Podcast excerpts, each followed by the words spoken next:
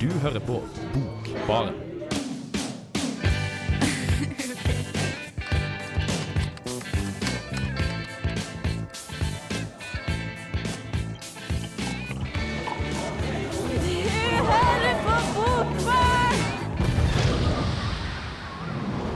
Hei, hei, og velkommen til Bokbaren. I dag har jeg bare med meg én til i studio. Det er Det er meg, Johannes Tesse Mystad. Ja, og eh, i dag har vi beklageligvis ikke noe spesiell temasending, men vi skal snakke om eh, to ganske interessante bøker. Og vi kan jo begynne med en bok vi begge har lest, men som Johannes har lest til studiet ditt. Ja, det er riktig. Det dreier seg om 'Landstrykere' av eh, Knut Hamsun. Så du har egentlig drevet en ganske, ganske sånn i, måte, dyp eh, analyse av denne boken. Ja, jeg var litt lur i dag, for at jeg har måttet skrive en eh, bokoppgave om, eh, på et fag jeg tar på, eh, på skole, i skolesammenheng, da, og så um, hadde jeg lyst til å lese 'Landstrykere'. Så fikk jeg både lest den og levert den teorioppgaven, med der du skal, skulle lese ei teoribok om Det var egentlig oppgaven å lese ei teoribok og skrive en bokrapport på det. Så, så leste jeg 'Landstrykere' og um, fikk levert den. Og i tillegg så kunne jeg ha med boka hit. Det var liksom, Det er, det er produktivitet. ja, Person- eller innsparing kanskje av, eh, av ressursbruk. ja, spesielt nå rett før eksamenstiden. Ja, ja. Jeg derimot har kastet bort eh, all min eksamenslesning og istedenfor lest en bok som heter 'Outliers' av Malcolm Gladwell. Og det er for en gangs skyld en populærvitenskapelig bok. Den handler litt om psykologi, litt om sosiologi, litt om veldig mye rart. Blant annet 10 000 timers regel og hvorfor Bill Gates ble så kjent som han ble. Men før vi kommer dit, så skal vi høre 'Do You Wanna Get High' av Weezer.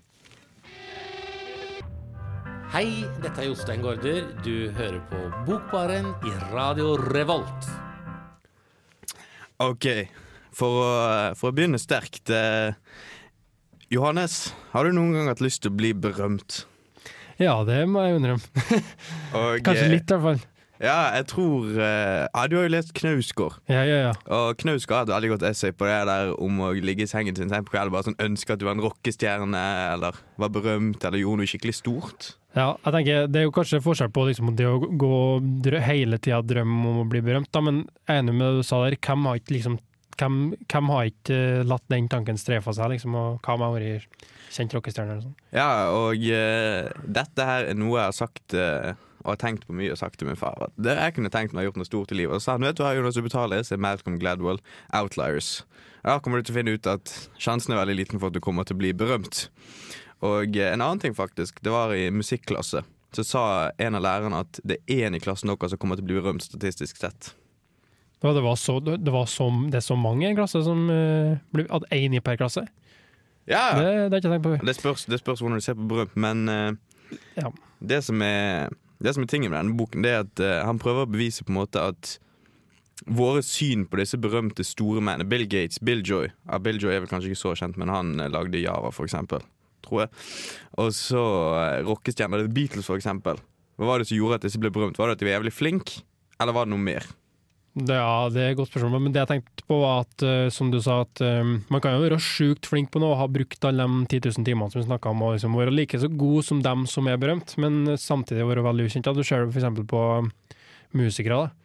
Det er jo vanvittig mange gode musikere rundt omkring, som f.eks. bare for å få bli med i et symfoniorkester, som er over sånn ufattelig høyt nivå. Det kommer jo utenlandske musikere til Norge og prøver seg, og sånn, så det, men ingen av dem som sitter i ja, nesten i hvert fall i Kringkastingsorkester eller Bergen eh, hva heter Filharmonisk Orkester, som er berømt. Det er faktisk noe, noe interessant å ta opp med eh, Harvard-studenter. For Harvard har jo veldig sånn eh, Veldig sånn streng opptakskvote og sånne ting. Mm. Men de tar inn eh, svarte folk og hispanics og alle sammen fordi de har lyst på sånn kvotefordeling. Ja, ja. Sånn at det skal se politisk korrekt ut. Og eh, veldig ofte så har det sånn at de som er fra afroamerikanere, sånn, de har lavere sånn karakterer, eller mindre, de er på en måte mindre attraktive enn hvite folk til å komme inn på Harvard. Men, og da tenkte de ja, da kommer de til å gjøre det dårlig også, fordi de er dummere. De tenker at de er dummere, ikke sant? Men det viser seg at de gjør det like bra. Alle som kommer inn på Harvard, de gjør det like bra. Mm. Til tross for at det ikke sånn For når du kommer på Harvard-nivå, så er alle sammen like fantastisk. Det er bare at noen er litt mer fantastiske enn alle andre. ja, og da er vi tilbake på det du snakka om med Beatles. Og liksom at jeg er ikke litt sikker på bestandig om det er sånn at hvis du har ti gode folk, enten det er forfattere eller sportsfolk eller musikere eller hva det er, så, så hvis de er alle sånn fantastisk gode, så er det ikke sikkert at noen av dem er litt bedre heller. Det tror jeg, da. For Ja. eksempel Beatles. Det kan være flaks og tilfeldigheter og Ja, det, han sånn. det, det, Kanskje. The Beatles, det var faktisk Vet du hva som gjorde, de, uh, gjorde at de ble så jævlig flinke? Hvem som er så flink? Nei, hva tenker du på? De, eh, de oppfør... Altså, de spilte mye i Hamburg en liten stund. ja, den, ja. ja, Og da måtte de spille tolv timers skift. ja nettopp. Og da måtte de improvisere hele tiden.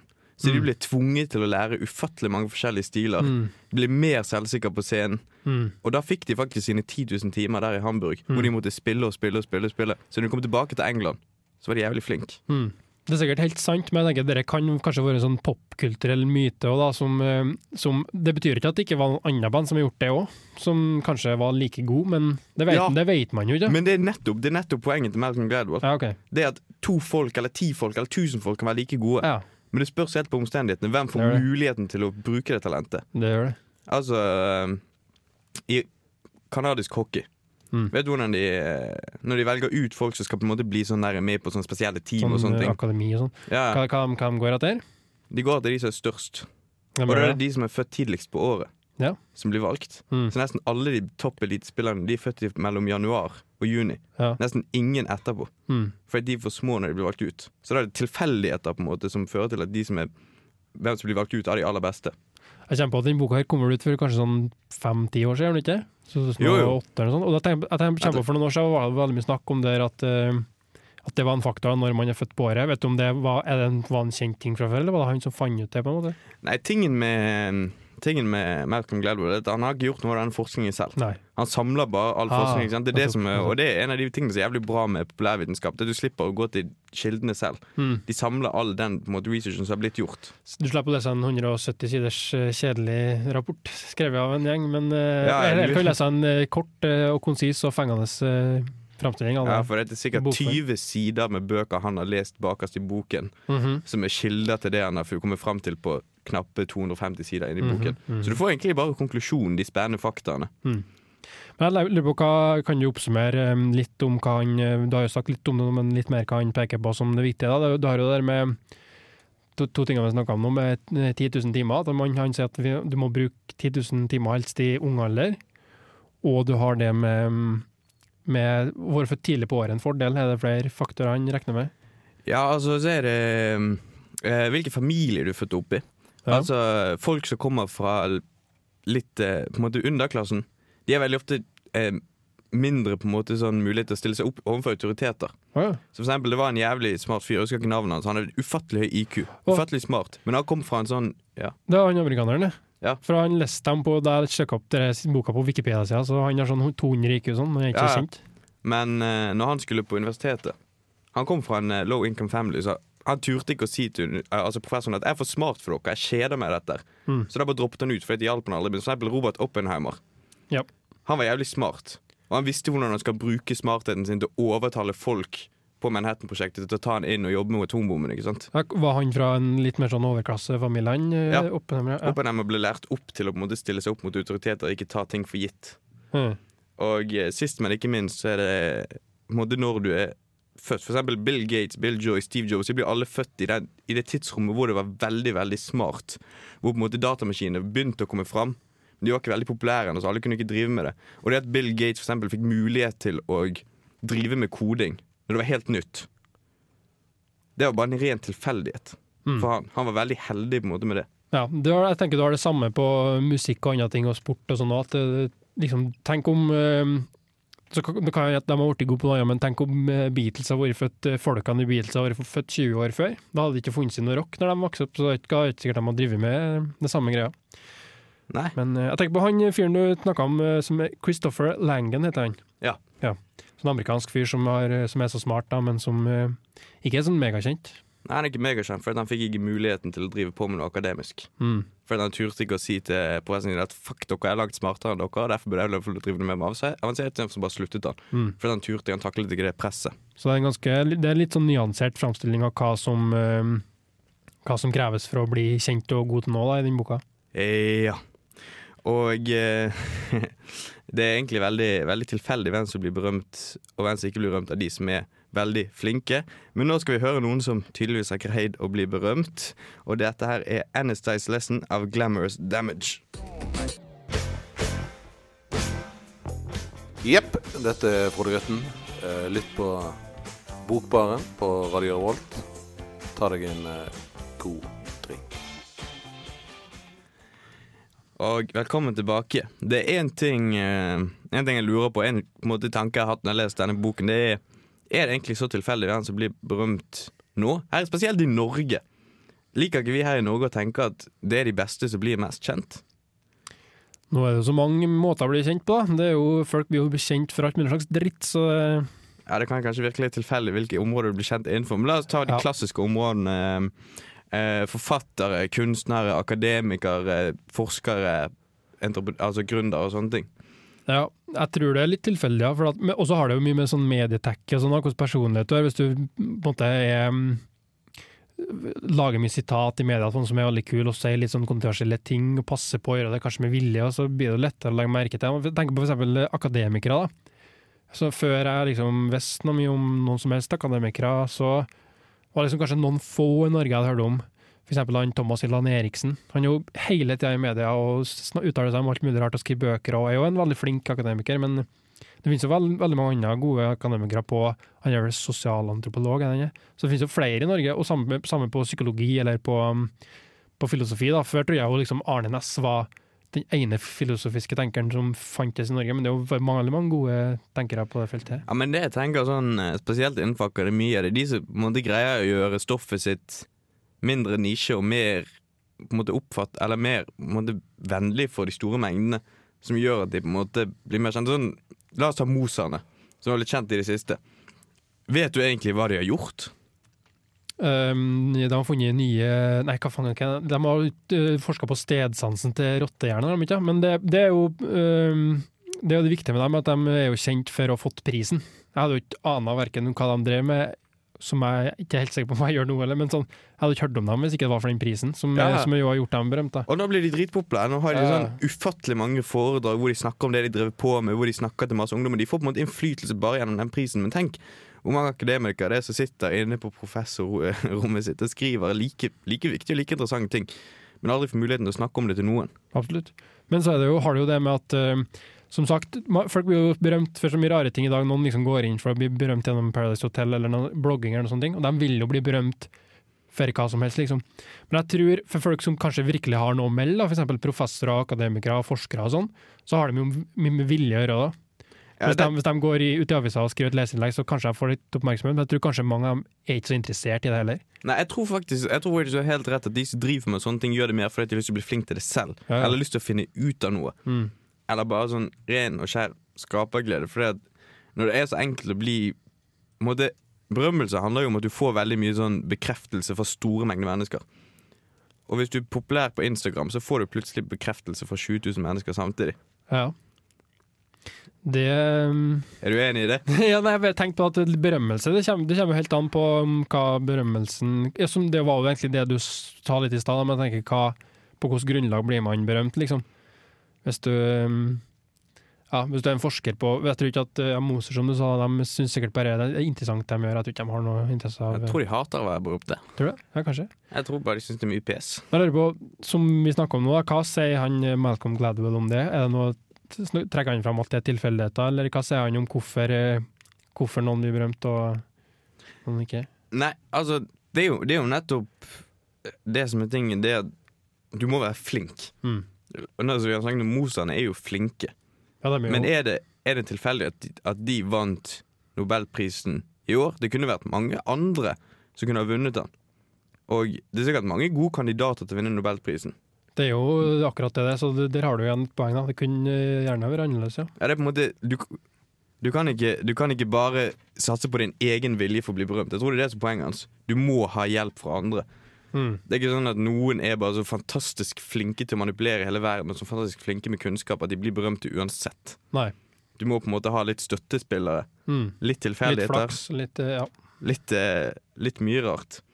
Men eh, jeg tror det er en tanke som faller lite i smak hos mange, spesielt nå for tiden. For vi liker tanken på at alle kan bli berømt, og at alle kan bli eh, det de har lyst til å bli. ikke sant? Det er jo det Norge og utdanningssystemet handler om. Du kan bli hva du vil, så lenge du prøver hardt nok og jobber hardt nok. Han prøver å ødelegge den myten. Mm. Det er bra at noen gjør. Ja, For det er absolutt en myte, tror jeg. Men det det Men det holder jo fremdeles tritt. Som sagt, eh, eh, det er en ny serie, Unge lovende, på NRK. Mm. Den handler jo om tre unge jenter som prøver å bli, bli noe, gjøre noe ut av livet sitt. Henholdsvis forfatter, eh, skuespiller og standup-komiker. Jeg lurer på om de hadde mistet troen på seg selv om de leste Malcolm Gladwell og skjønte at deres innsats har mye å si, men den har ikke alt å si. Det er jo på en måte paradokset hvis du skal prøve å bli kjempegod noe, eller prøve, i hvert fall prøve å bli berømt. Da. Men jeg tenker bare du skal prøve å bli god også, må du glemme litt hvor vanskelig det er, og hvor mange andre som skal gjøre det. Hvis du vil bli popstjerne, så kan ikke du gå og tenke på at det er sånn en halv milliard mennesker i verden sikkert som prøver på det samme, for da blir du litt demotivert, tror jeg. Ja, du må, det er rett og slett en risiko du må være villig til å ta. At det, du kan bli jævlig flink til noe uten å bli berømt, men du kan ikke bli berømt uten å være jævlig flink til noe. Mm. Eller i dagens samfunn så kan du bli, som sagt bli berømt for nesten hva som helst. Men nå skal vi gå over til en sang. Vi skal høre 'Snart blir det shuffle' av The Max.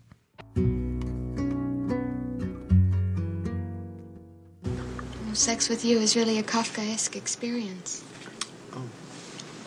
Thank you. Bokbarn. Bokbarn.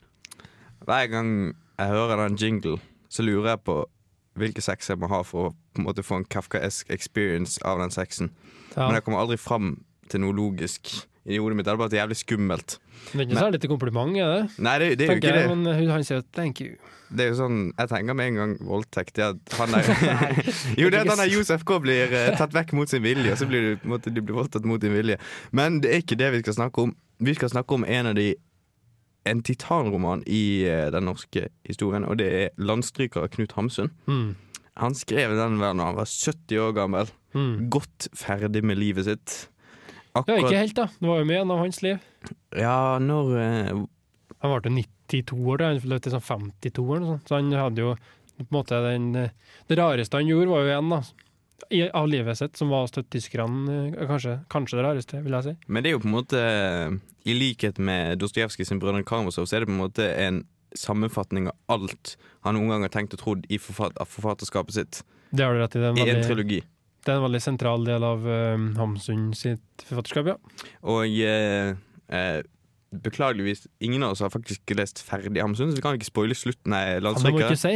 Jo, for da kan vi ikke spoile slutten for dere. Nei, det kan ikke. Men spørsmål nummer én er det, er det en bra bok, eller er det bare nok en kjedelig klassiker som du må, må lese på litteraturstudiet ditt? Det er et godt spørsmål, og nå skal jeg fortelle deg. Det er en fantastisk bra bok som jeg digga.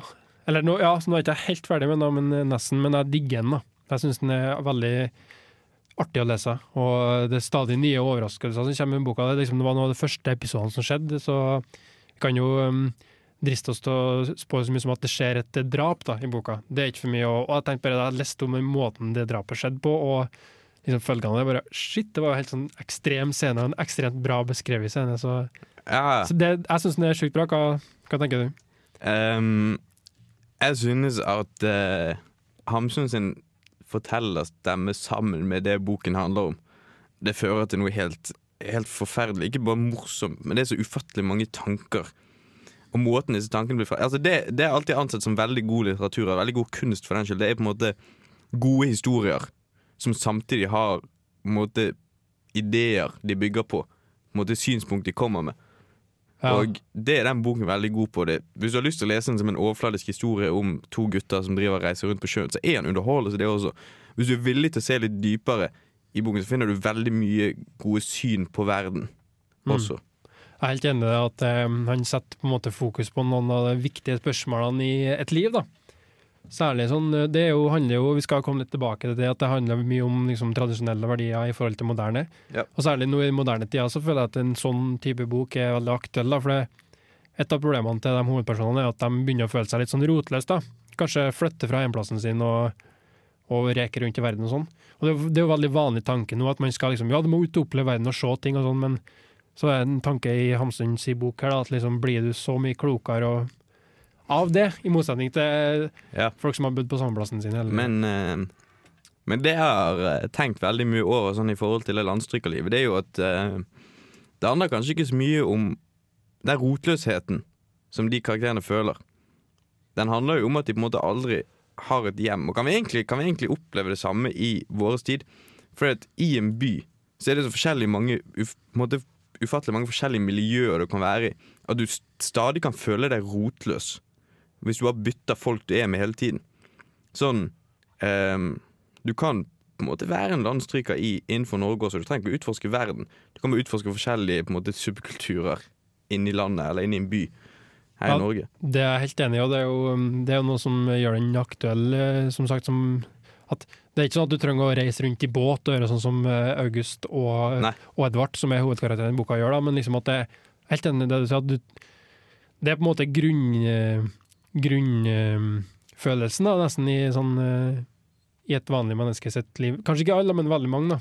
Ja, akkurat uh, Akkurat den konflikten du på en måte møter i, uh, i den boken, er jo veldig Veldig på en måte sånn viktig for alle mennesker, uavhengig tid, vil jeg tro.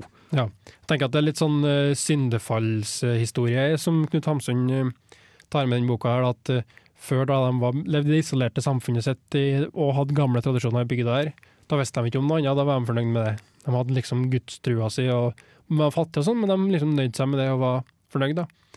Mens når hovedpersonene i boka, som er landstrykerne, begynner å reise rundt og prøve å oppdage verden og prøve å nå, til, nå ut til større ting, da, så liksom vil man aldri slutte å søke, er jo en tanke i boka. da. Så Ja. det er sånn Og eh, dette skal vi snakke mer om etterpå, men først skal vi høre Galapagos av Kakk Madafaka. Ja, jeg heter Dag Solstad, og dere hører nå på Bokbaren, og der er altså jeg. Eh, avklaring Dag Solstad, ikke bokbar nå, men vi skal fortsette å snakke om eh, Knut Hamsuns landstrykere. Og eh, hva er det vi skal Ja, nå er jeg notert på arket mitt. Eh, modernitet. Moderniteten i boka. Ah, selvfølgelig det hamsunske problem. Hamsun hadde den der eh, ideen sin om at han eh, hatet moderniteten, men han elsket den også. Ja. Og det han drevet hele forfatterskapet sitt og prøvd å komme til på en måte finne ett standpunkt der. Ja, I forfatterskap og i, i, i, his, i historia så må du ha noe brytning, noe, noe som skjer, da. Og det er jo Ja. Så da passer jo bra for en forfatter å ha Hvis han har vært, hatt et harmonisk forhold til en av dem, så har det ikke blitt noen bøker. Nei, Så og, er det helt, du har helt rett i det. men uh, Hamsun var jo kjent for uh, spesielt to ting, og det var hans landstrykertilværelse. Som han selv Han, han reiste mye rundt selv, ikke sant? Mm, det gjorde han. Dro på gårder, hadde aldri et fast sted å bo, forelsket seg en dame der, og så stakk han, og så forelsket han seg ny inn på en annen gård. Men han har også hatt en veldig romant, et veldig romantisk syn på, på måte, de gårdene oppe i Nord-Norge der han kom fra. Ja. Han hadde, jeg må bare si at for det, jeg leste um, Jeg er ikke noen sånn ekspert på Hamsun, for min del, men eh, så jeg gikk inn på nett og, og googla han, og så leste jeg om han på, på Store norske leksikon, og der eh, leste jeg om til at til og med før han debuterte med sin første bok, så hadde han jo faktisk bodd seks år, tror jeg det var, i USA. Så det, Ja. det sånn, eh, var en ganske kul opplysning for meg, jeg, for at jeg visste ikke så mye om livet hans før, eh, før han ble forfatter, den store, kjente forfatteren. Da. Så han absolutt, som du sier, var en landstrykker. Ja, det var der han skrev. Han har jo skrevet to ikke-fiksjonelle tekster. Det er ja, ja. Fra det ubevisste kjæleliv og fra Amerikas åndsliv, eller noe sånt. Hvor han driver og diskuterer uh, ideer. Som var, kanskje var hovedsak mest på en måte til stede i de tidligere romanene 'Sult og mysterier'. Ja, kanskje, men samtidig så ser du at han er veldig opptatt av det modernitetsspørsmålet og hva som rører seg samtidig. Men Men Ja. Og eh, i Landstrykere så er disse to synene representert av to veldig forskjellige personer som møtes. Edvard og August. Edvard og August, ja. Og eh, bare for å gi dere Altså, August er den fyren som seiler rundt og lyger og eh, på en måte finner skatter og alt mulig annet. Så Edvard han er bare på en måte med på reisen. Ja, han, det kan du si at han, for han er jo født i den bygda, det er sånn bygd, jeg tror det er fiktiv bygd i Nord-Norge som eh, kalles for Polden. Der han Edvard er jo født og oppvokst der, har familie der. Og som du ser, bare blir med eller Han blir i hvert fall dratt veldig med av August da, og, og begynner å oppleve livet. Mens August det er jo ingen som vet, han har ikke noe familie, ingen som vet helt hvor han kommer fra. Og som du var litt inne på, så, så vet man ikke helt når han forteller historier, eller om det er noe av det kan være sant, eller om det er mye løgn. For han forteller så mye sjukt uh, rare ting. Han, han, han gjør alt for å oppnå det han vil ha. Han er veldig impulsiv. Ja, ja, ja. Han er sånn 'Jeg har lyst på dette nå, da må jeg lyve for å få det'. Ja. Og han er veldig flink til det der med bedrageri, Mm. men på en måte på en veldig veldig likbar måte. Ja, det er jeg enig i, og det er en veldig sånn kul ting med Eller en interessant ting, da, men også kult, syns jeg, med den boka her, at den tar veldig for seg med bedrageriet og hvordan folk på en måte ja, lyver og spiller mot hverandre, sånn, i- det virkelige liv, liksom, for å få det som de vil. Da. For bestandig når det skjer noe i, i landstrykere, så, så først så er det en karakter som sier noe, eller som gjør noe, og så får han en reaksjon, og så går det fire sider, og så, måte, så kommer på en måte motivet for det igjen. da, Ofte er det en egoistisk tanke bak. da. Så det er liksom mye av, eh, mye av um, Ja. En, en eh, person som går gjennom hele boken, så jeg tror jeg kan nevne her, det er jo urjøden Papst. For et navn! Han er dritmorsom. Jeg ser for meg sånn eh, feit jøde med skjegg og sånn masse Han selger klokker, ikke sant? Det er gammel, ja, det, ja. Og han får Edvard til å selge klokker for seg. Først når Edvard har solgt sånn eh, et par titalls klokker til alle rundt om i bygden, så finner han ut at de var falsk og dårlig. Og da har Ureden Paps bare sånn brukt han for å selge dårlige klokker, for han ikke har lyst til å ødelegge sitt eget renommé eller sin egen på en måte sånn eh, gode spirit, eller gode rykter rundt om i byen. Ja, det er et godt eksempel på det motivet der med at uh, folk lurer der med, med litt sånn egoistiske baktanker. Da. Og det, ja, som du sier, han, han urjøden Paps han er, sånn, han er jo en landstryker, kan du si. Han flakker jo rundt og i landet og selge klokker og sånn, så han, han skal jo komme tilbake og selge. Så derfor så vil han ha Edvard til å, som du sa, Ja. selge de drittklokkene sine til Men tingen er at uh, Ureden Papst er en dick. Og Han er- det- han er en han er en, han er en dick. En pikk, liksom? Ja, han oppstår for meg som en drittsekk. August Ah, okay. derimot, det Ja. jeg synes med August, er at han er så jævlig sjarmerende. Ja, enig, det er enig, men samtidig må jeg sette urøden papp. jeg- For jeg tenkte også om det at faen for en Coop når han liksom lurer Edvard, da, men samtidig så er jo Samtidig så er han jo snill med Edvard. eh, Eller sånn, Han har jo litt baktanke med det, men så han er en sånn veldig sånn um, tvetydig beskrivelse. Han er en, han er jo en, en snill mann òg. Ja, men det er nok en gang veldig interessant, for på slutten, eh, etter at han, han Edvard finner ut at han har solgt falske klosser, så gir, selger uh, Jørgen Papsand tydeligvis en ordentlig klokke for hvor han går i underskudd. underskudd. Ja. Altså, han, han har faktisk noe godt og genuint i seg. Ja, det, det, jeg tenker at den situasjonen viser for at når han Edvard skal vise fram den klokka til noen ur, noen urmakere, og så sier de sånn 'Hvor har du kjøpt den her?' 'Jeg har kjøpt den av urøden, papp'. Så så sier de sånn 'Hæ?' For de tror ikke på at han har kunnet solgt den en god klokke, for han lurer bestandig, men i det tilfellet så var han jo ærlig, faktisk. Ja, men det er det som, på en måte, det er det som er et gjennomgangstema i hele boken. Det er bare, ikke bare August og Edvard, hvor August er den sjarmerende, løgnaktige, på en måte rotløse personen. Edvard er med den som har kommer fra en tidlig bygd og på en måte er mer konservativ. Det er mange andre personer, Nesten alle personer representerer forskjellige argumentasjoner Ja. og syn for, for og mot denne moderniseringen som August representerer, og denne konservative holdningen som Edvard representerer. Ja, det er veldig bra observert, det, er jeg helt enig i. Og, um, og så kan jeg si at uh, Edvard drar, dras jo med på, i den tankegangen han også. Han blir jo mer som August etter hvert, da, og uh, blir en sånn representant for det omflakkende livet. Yes. Uh, vi skal snakke litt til om landstryket, og kanskje mer spesifikt eh, Hamsun sin politiske ideer etter denne sangen her. Dette er 'Never' av Jenny Lee. Uh, hi, it's Jakob Mensti, and you're listening to Book Baron at Radio World. Det er velkjent at Knut Hamsun eh, likte Hitler. Han skrev eh, dødsannonsen hans i Aftenposten, tror jeg. Og eh, han skriver jo om i en veldig politisk turbulent tid. Eh, spesielt denne landstrykertrilogien som eh, kom ut. Nå kom den ut, Johannes, var det 27? Ja. Og det var jo, som du sa, rett før eh, den store depresjonen i USA. Før kapitalismen nådde sin største knekk, sikkert noensinne. Og eh, det er noe Det er kanskje ikke åpenbart politisk i disse bøkene. Er det det? Nei, det er jo akkurat det, da. Det, det kommer an med på hvilke briller du leser det. Um, jeg vet ikke om vi nevnte det, men jo, det var jo det med at det var en skoleoppgave jeg måtte gjøre, og grunnen til at jeg begynte å lese denne boka. her. Og det, samtidig med det så har jeg med ei teoribok som handler om nettopp landstrykere. Det er den norske litteraturviteren og litteraturkritikeren Øystein Rottem, som var, jeg tror han var litteraturkritiker i Dagbladet for ganske mange år siden. Hæ? Men nå er han død, da. Dessverre. Ja, det Ja, så det, Boka heter 'Knut Hamsuns landstrykere en ideologikritisk analyse'. Så der um, går man jo gjennom my mye av det spørsmålene der. Liksom, han leste veldig sånn at uh, du må se hvordan politisk bakgrunn, hvordan historiske hendelser, hvordan strømninger i tida det var som gjorde at Ham- Hamsun skrev som han skrev. Men så kan du òg lese, som du, som du sa i stad, du kan jo bare pløye rett gjennom landstrykere og lese det som en artig historie med mye artige påfunn. Altså, det er kanskje ikke en god lesning, men, Men, men en ting, det er veldig, det er veldig lett, vil jeg tro, i hvert fall for meg, å bare dømme Hamsun som politisk tilbakestående. mm. Men et forfattergeni som var et geni. Altså det at han hadde en veldig dyp forståelse av mennesket. Og eh, hvordan forskjellige folk reagerte på forskjellige ting, og sånn, men ikke hadde noe særlig god forståelse av politikk som måtte et overordnet system.